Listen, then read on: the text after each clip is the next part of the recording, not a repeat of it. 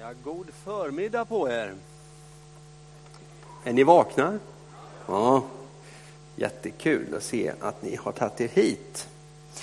Ni vet ju aldrig vad det är för en figur ni ska lyssna till när ni ser ett nytt namn presenterat på programmet.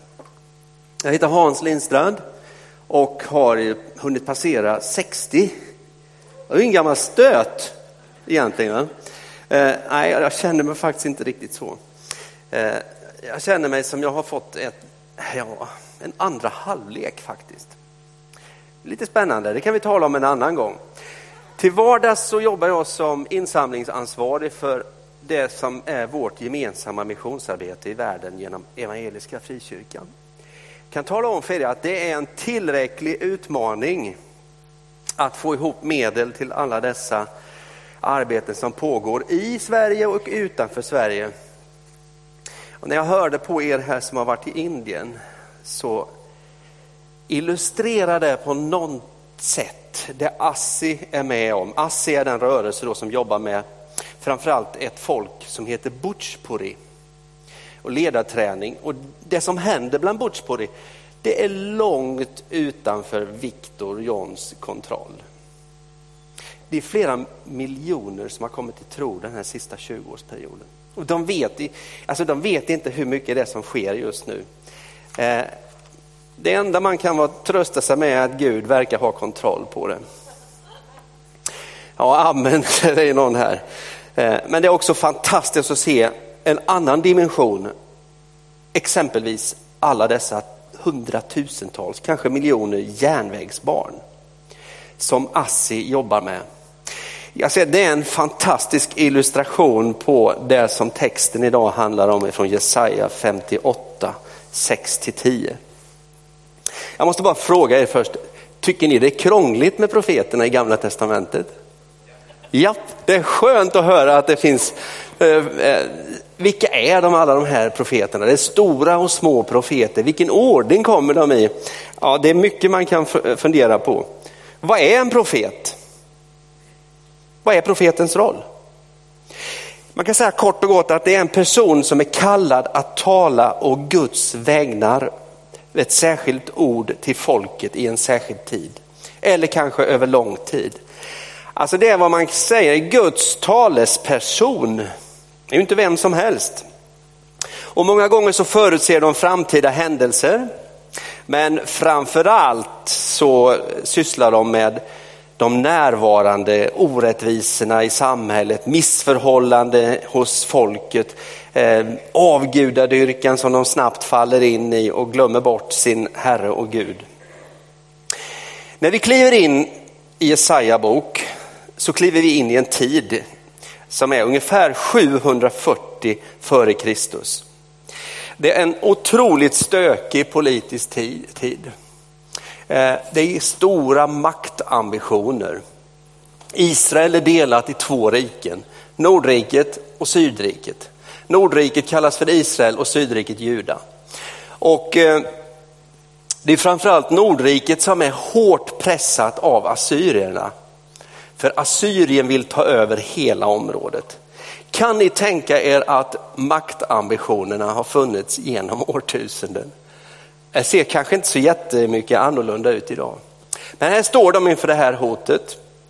Och det egentligen eh, eh, Jesaja gör och profeterar, det är främst till judariket, alltså sydriket. Nu ska vi läsa tillsammans från Jesaja 58, 6-10. Ska vi stå upp när vi läser Guds ord?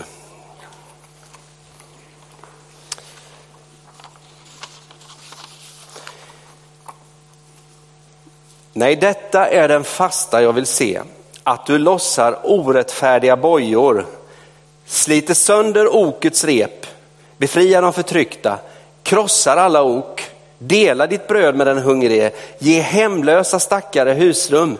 Ser du en naken, så klä honom. Vänd inte dina egna ryggen. Då bryter gryningsljuset fram för dig och dina sår ska genast läkas. Din rättfärdighet ska gå framför dig och Herrens härlighet gå sist i ditt tåg. Då ska Herren svara när du kallar och när du ropar säger han, här är jag. Om du gör slut på allt förtryck hos dig, hot och hån och förtal. Ja, det är en riktig rökare som Jesaja drar av här. Det, det måste man verkligen säga. Varsågod och sitt. Eh, han går ut hårt. Och det är inte så konstigt när han säger i vers 6 att det här är den fasta jag vill se. Då har det sin bakgrund i att eh, folket minsann har gjort sig skyldiga till en och annan försyndelse. Eh, sann tillbedjan det är inte, handlar inte om ritualer. Det handlar inte om vackra sånger, vackra lovsånger, det märks direkt. Det var något som var fel. Det skorrade falskt i deras tillbedjan, i deras gudstjänst. När man läser Jesaja så är det en sak som ofta återkommer och det är att Gud är helig. Och han, Guds helighet märks framförallt eh, i hans rättfärdighet. Och är det någonting som Jesaja går till rätta med så är det just orättfärdigheten hos folket.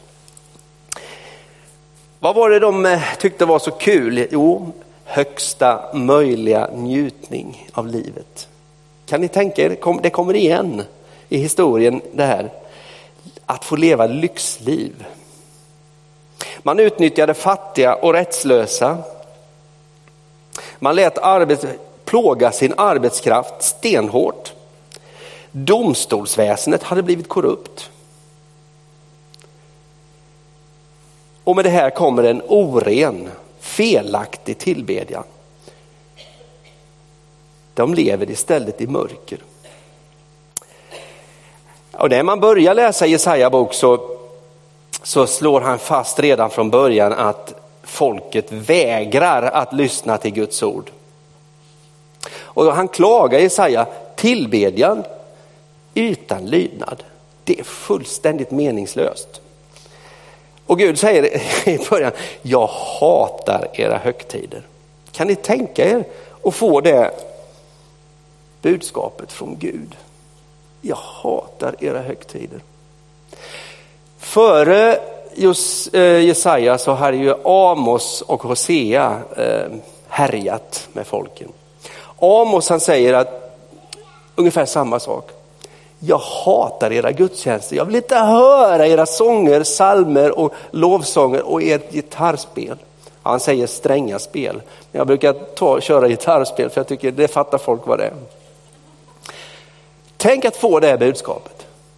Och varför? Nej, ni har inte låtit rätten flöda fram hos er. Så det är en ganska tuff utgång ifrån Jesaja här. Gud vill se, vad vill han se då hos sitt folk? Jo, han vill se ett folk som är, är rättfärdigt, som lever schysst. Som har schyssta villkor för sina arbetare. Sträva efter rättvisa, säger han. Ge stöd åt den förtryckte, tala för den faderlöse och skaffa rättvisa åt änkan. Det är ett jobbigt budskap och det han säger till Israel är att ni har förlorat den moraliska kompassen, mina kära vänner. Det är vad han säger. Nej, den här fastan vill jag se. Ni ska lossa orättfärdiga bojor. Slit sönder okets svep. Befria de förtryckta, krossa alla ok, dela ditt bröd med den som hungrar. Ge rum åt hemlösa. Klä dem som saknar kläder. Tillbedjan som den beskrivs här, den har ju en jättepraktisk dimension. Det innebär att man ska handla rättfärdigt. När Bibeln talar om rättvisa så är det inte bara att följa lagen eller Guds lag. Det betyder också och framförallt att man ska leva kärleksfullt och med omtanke om alla relationer. Såväl skapelsen som de mänskliga relationer man har.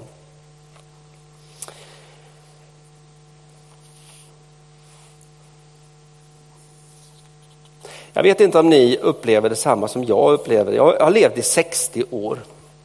Det är ganska fantastiskt att man får 60 år. Och jag har hunnit reflektera ganska mycket, särskilt de sista åren. Och vet ni vad som återkommer hela tiden? Alla mina höga bekännelser, allt jag tror och har sagt att jag tror på. Har mina handlingar, står det i samklang med allt det här vackra jag har sagt? Jag har sjungit mycket, jag har spelat otroligt mycket. Eh, ibland tyckte man till och med att man gjorde det bra. Så blygsam är jag. Men när man ändå skärskådar sitt liv och så, hur är mina reaktioner? Är det någon mer än jag som tycker att den här tiden vi lever i idag är fruktansvärt jobbig? Det är ett tufft samtal i samhället. Om vi börjar i makropolitiken i världen så undrar man, finns det inte en vetig ledare kvar snart? Och makt är allt det handlar om. Jag vet inte hur mycket ni följer eh, det som händer i Kina. Kina har ett litet extra eh, rum här hos mig. Men det är också ett ganska skrämmande eh, exempel på utveckling. Nu när den stora folkkongressen var samlad så var alla delegaterna på plats, parlamentet som det heter. 2970 delegater. Man skulle rösta på president, vem som skulle bli president. Och det blev naturligtvis president Xi Jinping. Alla 2970 röstade ja. Och egentligen hade ingen förväntat sig något annat. Men jag la märke till nästa mening. Men när man skulle rösta på vicepresident, då var det en röst emot. Kan ni tänka? Alltså, jag tänkte, den där skulle jag ju vilja träffa. Som vågar. Men sen, sen nästa ögonblick så tänkte jag, äh, han tryckte på fel knapp eller hon. Det kanske var så enkelt. Makt. Han har gjort sig livslångt presidentskap i Kina. Idag har vi val i Ryssland och att något annat än Putin skulle bli president, det skulle ju vara, ja, det skulle vara ett jordskred verkligen. Och ni ser hur de här stora länderna, de stora makterna ökar trycket mot varandra. Eh, oförsonliga verkligen. Och man skyller på varandra. Nu är, nu är Sverige, nu är det, Sverige är mitt i skottgluggen här. Nu har plötsligt vi då skickat eh, nervgaser till England, tycker ryssarna. Ja, men det är den enda salig blandning, det som händer just nu. Och jag tycker tonen i det svenska samhället också är ganska tuff. Eh, oförsonligt i politiken. Gillar ni det här som pågår egentligen? Det kanske ni gör, ni kanske, det kanske är jag som är så känslig. Jag, jag tycker att eh, det går ut idag på att man ska hitta syndabockar. Eh, man ska hänga ut folk offentligt, helst långt innan någon domstol har prövat deras sak. Vilket, vilket liv det har blivit. Hur mycket dras du och jag med? I samhällets, i, ja, i vårt lands sätt att tänka och göra och handla. Attityder. Man kan höra sådana här överdrivna attityder ibland. Det är ju rena DDR det här. Eh, och det är oftast är de så överdrivna attityderna om någonting inte är bra i samhället. Det här är värre än Nordkorea var det någon som yttrade för ett tag sedan. Och jag tänker, de, de här är ju helt borta. De, har, de inte, har de ingen aning om vad Nordkorea är? Det, det är ett överdrivet tänkande och snackande i samhället. Och det gäller att vinna diskussionen och helst göra ner motståndaren så mycket som det är möjligt. Influeras vi av det här? Ja, jag, måste, jag måste säga själv att jag tittar för mycket på nyhetssändningar och jag läser för mycket nyhetstidningar. Eh, det är svårt att inte ibland känna, ja, äntligen, nu trycker de till där ordentligt. Jag tror att det Jesaja säger den här förmiddagen, det är vi ska inte leva så här.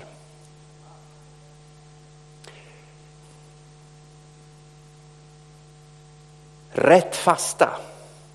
Och han ger medicinen precis vad det är frågan om. Eh, jag hörde i veckan en predikan och jag tycker det var så intressant att han sa så här. Det här med att be för att människor ska få mat och be för att de ska få husrum och be att de ska få något. Nej, strunt i det. Se till att de får det istället. Ni som ser att det här pågår, varför gör ni inte det här? Det måste finnas en praktisk sida av, det är inte bara be utan man, måste, man kan också handla. Och det är det han säger i Jesaja till Israels folk. Och egentligen är det här en text som pekar till den kommande församlingen. Det, hur, den ska vara, hur, hur den ska vara till sinnet. Va?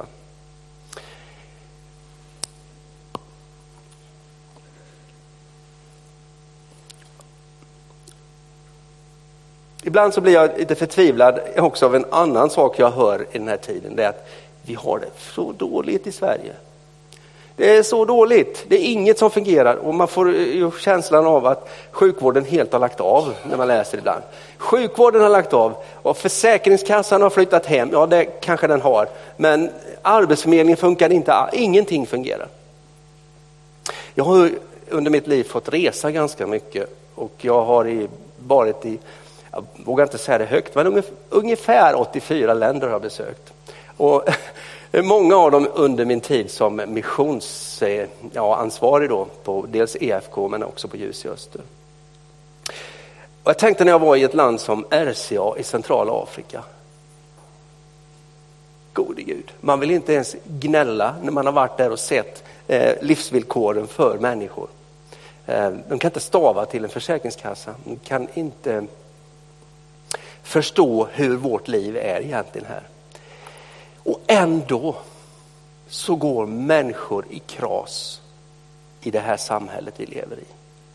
Aldrig har sjukskrivningstalen varit högre, utbränningen varit högre. Det är ju nu församlingen, där du ska stiga fram i den här tiden. Det är nu som är församlingens tid faktiskt.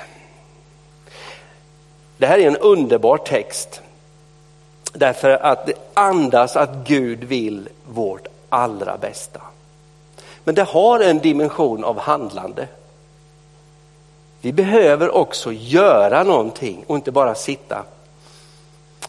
Det är Jesaja, jag blir så full i skratt, det han egentligen säger det är att upp med er era soffpotatisar och ut och gör det ni ska göra. Vad är löftet? Jo, er rättfärdighet, alltså ert sätt att vara, ert annorlunda sätt att vara, kommer att gå framför er. Och vem ska gå bakom? Jo, Guds härlighet ska följa bakom er när ni vågar gå ut och göra det här. Vad säger ni om det? Det är ju, det är ju grymt egentligen.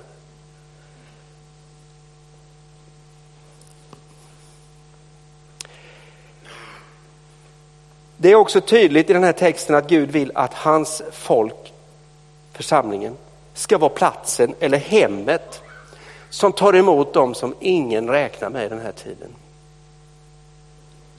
Jag ringde en pastor förra veckan för jag gör det rätt, jag ringer rätt mycket pastorer och missionsrådsansvariga. För att ska man tigga, då är det rätt, börja vid källan brukar jag säga.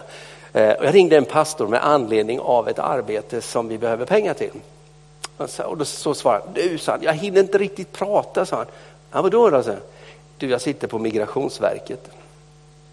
Jaha, vad, vad, vad ska du göra där?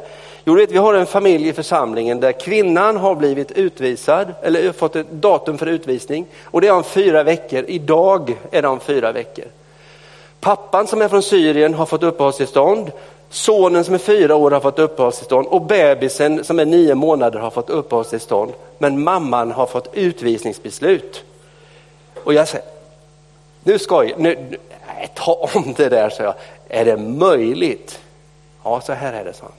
Hon kommer från fel land.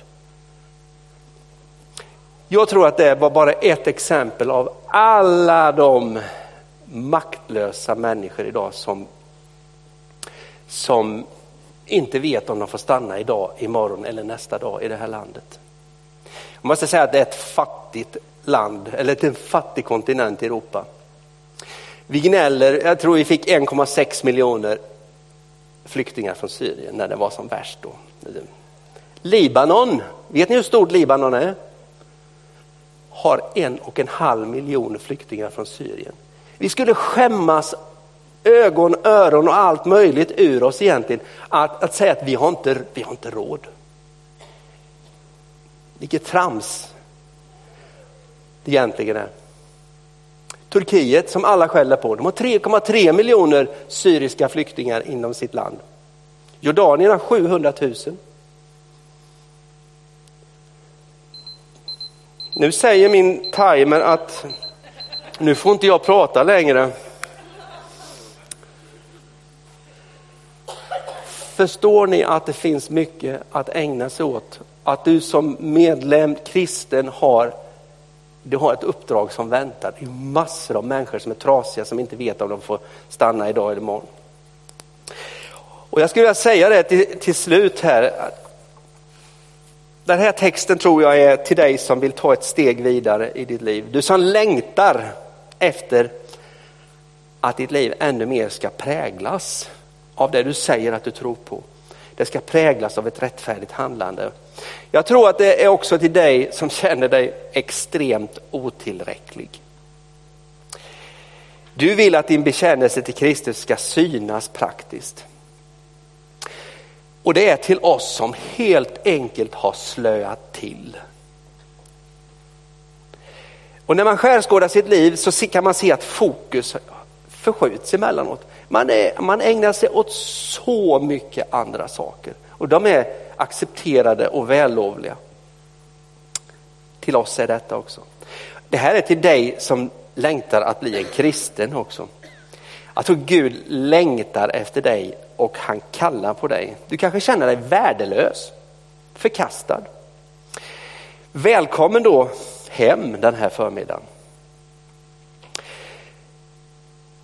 Herre, jag vill tacka dig för att du har gett oss orden i Jesaja. Att vi ska göra och inte bara höra. Att det här ska vara hemmet för människor som känner sig förkastade, som känner sig bort trängda i det här samhället. Jag ber också för fortsättningen av den här gudstjänsten. Jag ber för de som har kommit hit. Jag ber för det som sker i var och en här just nu.